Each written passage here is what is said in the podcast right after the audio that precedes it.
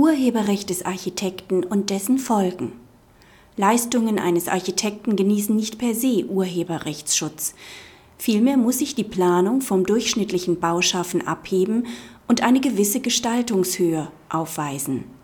Besteht ein Urheberrecht, kann der Auftraggeber die Planung nur dann durch einen anderen Architekten umsetzen lassen, wenn ihm das Nachbaurecht übertragen wurde. Der Bauherr beabsichtigt, eine Ausstellungshalle für Oldtimer und Kunst mit einer Nutzfläche von 1000 Quadratmetern zu errichten. Wegen der Gestaltung der Halle führt er über mehrere Monate hinweg Gespräche mit einem Architekten.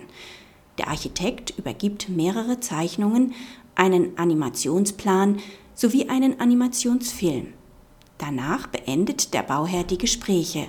Er lässt sodann die Halle durch einen anderen Architekten planen und errichten, wobei der gerichtliche Sachverständige feststellt, dass das vom Architekten geplante und vom Bauherrn verwirklichte Gebäude nahezu identisch sind. Der Architekt verlangt deshalb mit der Begründung, es bestehe ein konkludent abgeschlossener Planungsvertrag Honorar für die Leistungsphasen 1 bis 3. Das Oberlandesgericht Celle stellt fest, dass kein Architektenvertrag zustande gekommen ist. Der Architekt hat dem Bauherrn lediglich Gestaltungsvorschläge unterbreitet. Allerdings sah der Bauherr davon ab, auch einen entsprechenden Auftrag zu erteilen. Durch die Verwendung der Planungsleistungen kommt ebenso wenig ein Vertrag zustande. Allerdings spricht das Oberlandesgericht Celle dem Architekten einen Schadensersatzanspruch nach 97 Absatz 1 Urhebergesetz zu. Nach 2 Absatz 1 Satz 4 Urhebergesetz gehören zu den urheberrechtlich geschützten Werken auch Werke der Baukunst und Entwürfe solcher Werke. Voraussetzung ist dabei, dass es sich um persönliche geistige Schöpfungen handelt. Dies ist hier erfüllt, da die Zeichnungen einen Grad an Individualität aufweisen, die über das normale Bauschaffen hinausgeht.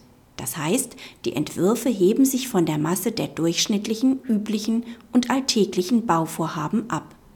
Indem der Bauherr die Entwürfe des Architekten ohne dessen Zustimmung umsetzte, hat er dessen Urheberrecht verletzt und sich schadensersatzpflichtig gemacht. Die Höhe des Schadensersatzes ist im Wege der Lizenzanalogie danach zu bestimmen, welches Entgelt bei einer vertraglich vereinbarten Nutzungseinräumung üblicherweise berechnet wird. Dieser Wert kann in Anlehnung an die HOAI ermittelt werden. Praxishinweis. Der Architekt hat Glück gehabt, dass das Oberlandesgericht Celle seinen Entwürfen einen Urheberrechtsschutz zugebilligt hat. Nur hierdurch ist es ihm gelungen, wenigstens einen Teil des HOAI-Honorars zu retten, nachdem er einen konkludenten Planungsauftrag nicht beweisen konnte. Üblicherweise wird von einer Urheberrechtsfähigkeit der Planungen allerdings nicht auszugehen sein. Deshalb bleibt dem Architekten nur, für klare Verhältnisse zu sorgen und Leistungen von einer konkreten Beauftragung abhängig zu machen. Gleiches gilt allerdings auch für den Bauherrn, der beispielsweise eine Vereinbarung über Akquiseleistungen bei dem Architekten abschließen sollte